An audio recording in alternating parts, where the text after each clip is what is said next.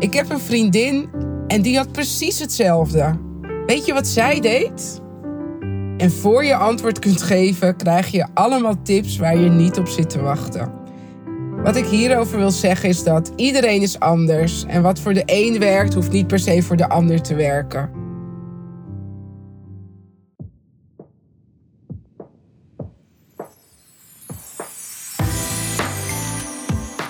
Yes, let's go!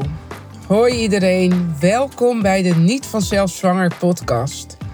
De podcast die de stilte rondom niet vanzelf zwanger raken doorbreekt. Alles met maar één doel: jou het gevoel geven niet alleen te zijn. Ik heb de afgelopen week een leuke reactie gekregen over deze podcast en die wil ik vandaag graag even met je delen. Het berichtje kwam van Annemiek. Ik heb er vandaag een aantal achter elkaar geluisterd. Was aan het werk met een klus waarbij dat makkelijk kon. En waren echt fijne podcasts om naar te luisteren. Goed gedaan. Dankjewel, dankjewel, dankjewel Annemiek voor je lieve woorden.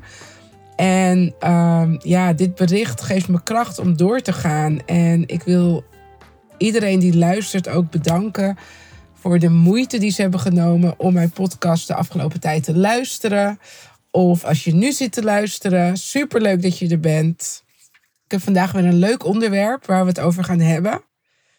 In het begin van dit jaar deelde ik een post op Instagram met opmerkingen die wij wel eens hebben gekregen toen we vertelden niet vanzelf zwanger te kunnen raken. Deze post zorgde voor verbondenheid en herkenning bij jullie. En meteen rees ook de vraag: welke opmerkingen moet je dan wel maken? Ik heb vandaag die twee posts tegenover elkaar gezet. En ik ga vandaag de zeven opmerkingen delen die je eigenlijk helemaal niet moet maken. En daartegenover zet ik zeven opmerkingen die je beter wel kunt gaan maken. En ik denk dat dit heel erg herkenbaar is. Je bent in gesprek met iemand en je vertelt dat je niet vanzelf zwanger kunt raken. Of dat je in een IVF-traject zit. Nou, en diegene waar je mee in gesprek bent, en dat kan zijn je tante, je, de moeder van een vriend of vriendin, een kennis, maar een oom, opa, opa, misschien zelfs een goede vriendin. Diegene maakt een opmerking waar je echt helemaal niks mee kunt. Het doet eigenlijk een beetje pijn, maar ja, je weet niet zo goed wat je mee moet. Je glimlacht beleeft. En ergens weet je dat diegene het goed bedoelt, maar de boodschap komt niet helemaal over. Ik neem jullie mee in opmerkingen die gemaakt worden waar je niet op zit te wachten. En ik zal beginnen met de eerste opmerking. Je moet er niet zo mee bezig zijn. Een vruchtbaarheidsbehandeling ondergaan betekent dus juist dat je leven overgenomen wordt door ziekenhuisafspraken, hormonen, spuiten. Dus dat betekent eigenlijk dat je letterlijk elke dag bezig bent met het krijgen van een kind. Dus de opmerking krijgen dat je dat niet moet doen, is niet helemaal reëel. Het is op dat moment gewoon onderdeel van je leven. En ja, je moet wel, je moet ermee bezig zijn. Wat kun je beter wel zeggen? Wil je erover praten? Het kan namelijk zo zijn dat iemand heel hoog in zijn emoties zit en niet de energie heeft om erover te praten. Hou je vragen dus, probeer je eigen vragen even voor je te houden en vraag of diegene er open voor staat om te praten. Nummer twee. Steek je hand op als je deze ook wel eens hebt gehoord. Ik heb een vriendin en die had precies hetzelfde. Weet je wat zij deed? En voor je antwoord kunt geven, krijg je allemaal tips waar je niet op zit te wachten. Wat ik hierover wil zeggen is dat iedereen is anders. En wat voor de een werkt, hoeft niet per se voor de ander te werken. Je weet zelf ook niet in wat voor of waar iemand precies zit in zijn of, of in haar behandeling. Dus het is heel moeilijk om daar iets over te zeggen. Wat kun je dus beter wel zeggen? Waar zitten jullie in het traject? En uh, wat hebben jullie tot nu toe allemaal geprobeerd? Zo kan iemand zelf vertellen en laat je zien dat je interesse hebt of nieuwsgierig bent. Als iemand dan niet verteld heeft wat je vriendin ook heeft gedaan en je haar dat echt mee zou willen geven, zeg dan: Een vriendin van mij heeft een bepaalde behandeling gedaan. Vind je het oké als ik je daar iets over vertel? Nummer drie. Komt vast goed hoor. Je bent nog zo jong. Als iemand een medische aandoening heeft waardoor zij niet meteen zwanger kan raken, dan zegt leeftijd eigenlijk helemaal niks. Je kunt beter zeggen: Ik weet niet goed wat ik moet zeggen. Wat is fijn voor jou? Door dit te doen stel je je kwetsbaar op en geef je de ander de regie. De ander heeft het al, weet je, die vindt het al moeilijk om erover te praten. En die weet nu ook dat jij het moeilijk vindt. En zo maak je het gesprek bespreekbaar. Zo kan iemand zelf aangeven waar zij zich prettig bij voelt. Nummer 4. Eiceldonatie. Maar dan is het niet je eigen kind, toch? Oké, en hier is heel veel over te zeggen, want in principe heeft degene gelijk. Het kind is biologisch van een ander, maar het kind wordt in de baarmoeder van de wensmama geplaatst.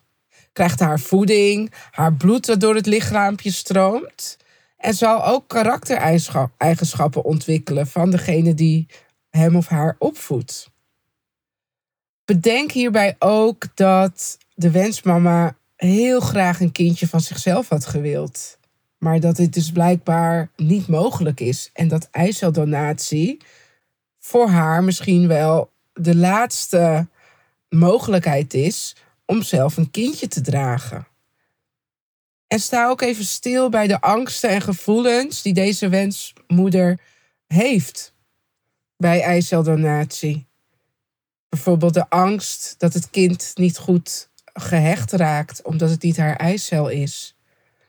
En de wetenschap dat het kind niet helemaal op haar zal lijken uiterlijk. Je kunt dus beter zeggen: weet dat ik aan je denk en er voor je ben als jij dat wil. Hierbij geef je iemand het gevoel niet alleen te zijn en laat je weten dat je voor diegene bent als zij daar behoefte aan heeft en als zij daar klaar voor is. Nummer 5. Heb je al aan adoptie gedacht? Next level dit. Onverklaarde onvruchtbaarheid en adoptie zijn twee totaal verschillende onderwerpen. Ze hebben geen enkele relatie tot elkaar. Dus ik vraag me zo vaak af, waarom blijven mensen dit toch zeggen? Adoptie, het is prachtig dat het bestaat, maar het is geen oplossing voor een onvruchtbaarheid ook is iemand die niet vanzelf zwanger kan raken, meer verplicht om adoptie te doen ten opzichte van ieder ander mens. Je kunt beter zeggen: kan ik iets voor je doen? Bied hulp aan, een avondje koken, iets leuks doen, samen uit eten naar de film, of een keertje taxi spelen naar of van het ziekenhuis. Of gewoon even checken of diegene zin heeft in een slechte film met thee en, en een dekentje. Nummer 6. Weet je wat jij moet doen? Lekker op vakantie gaan en ontspannen. Laat zei iemand tegen me. Als ik elke keer dat ik op vakantie zou, zou zijn geweest en heb ontspannen bij elkaar zou optellen, dan had ik nu wel geteld zes kinderen gehad. Nou ja, je kunt ook hier beter zeggen: hoe gaat het met je? Vraag vanuit oprechte interesse. Zorg ervoor dat je ook de tijd hebt om te luisteren naar het antwoord en erover in gesprek te gaan. En nummer 7. Deze opmerking wordt vaak gemaakt als iemand vertelt een miskraam te hebben gehad. Je weet in ieder geval wel dat je zwanger kunt raken. Nou, en of ik dat weet. Nou, ik denk dat deze opmerking niet zoveel uitleg nodig heeft. Het is in ieder geval niet helpend op dat moment. Wat kun je beter doen? vragen of iemand erover wil praten.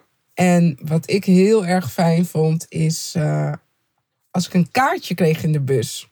Waarin iemand liet weten dat hij aan me dacht. Het blijft een moeilijk onderwerp, maar ik denk dat we juist door het bespreekbaar te maken awareness kunnen creëren.